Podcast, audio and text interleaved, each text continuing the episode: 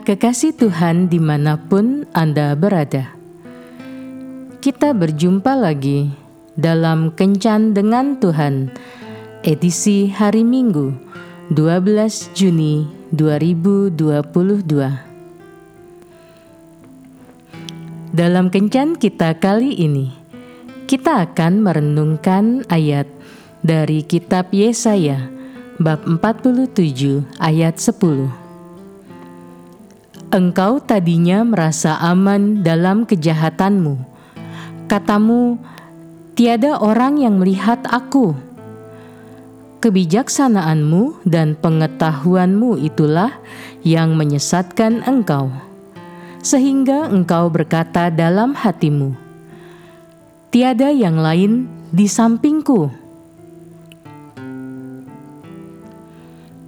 Para sahabat kencan dengan Tuhan yang terkasih ada sebuah kampung yang selalu saja diserang babi hutan tiap malamnya. Gerombolan babi hutan itu masuk ke kampung dan memakan hasil kebun milik orang-orang kampung. Orang kampung sudah berusaha mengusir babi-babi itu, tetapi mereka tidak berhasil. Babi-babi itu tetap saja datang setiap malam. Suatu hari, seorang bijak memberikan nasihat kepada kepala desa. Suruhlah masing-masing keluarga untuk membawa bahan makanan berupa hasil ladang dan mengumpulkannya di sebuah ladang kosong yang cukup luas mereka pun melakukan persis seperti apa yang dinasihatkan oleh orang bijak tersebut. Bahan makanan diletakkan di tengah-tengah ladang, dan pada malam harinya, gerombolan babi hutan datang serta melahap habis makanan tersebut. Awalnya, babi-babi itu memang sedikit takut dan gelisah tetapi mereka tetap menghabiskan makanan yang sudah disediakan. Orang-orang desa melakukan hal yang sama, yaitu mengumpulkan makanan setiap malam selama beberapa hari. Babi-babi hutan itu akan datang untuk mendapatkan hidangan gratis yang sudah disediakan. Lama-kelamaan, babi-babi itu kelihatan semakin menikmati makanan mereka tanpa ada lagi rasa takut dan gelisah. Akhirnya, gerombolan babi hutan sudah terbiasa menikmati makanan di ladang kosong itu. Hanya dalam waktu seminggu, Kebiasaan baru di ladang kosong itu sudah dibangun dalam diri babi-babi hutan tersebut. Akhirnya, orang bijak itu menyuruh orang-orang kampung untuk memagari ladang itu secara bertahap dan hanya membuat satu pintu masuk yang cukup besar. Pada malam harinya, seperti biasanya, gerombolan babi-babi itu datang kembali untuk mendapatkan makanan gratis.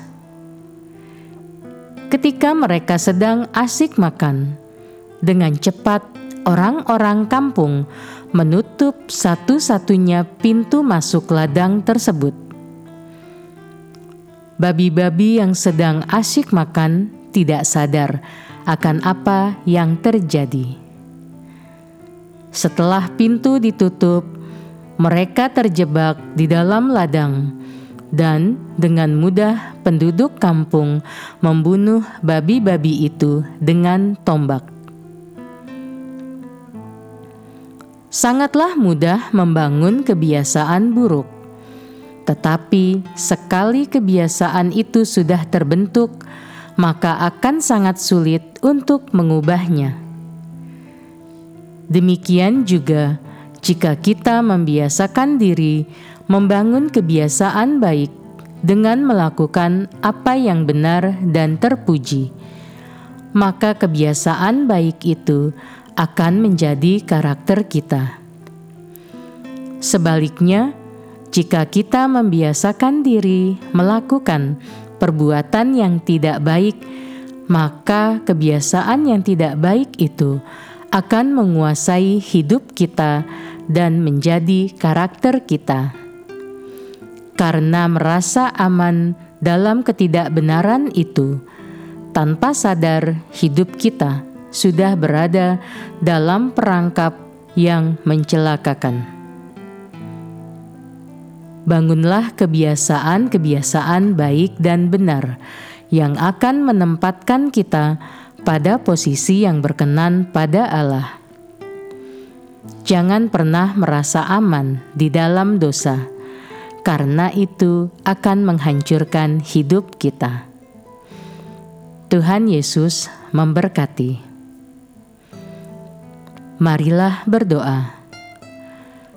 Tuhan Yesus, Ingatkanlah aku jika aku mulai kompromi dengan dosa dan hidup dalam ketidakbenaran. Aku mau membangun kebiasaan yang baik dengan pertolongan rahmatmu. Amin.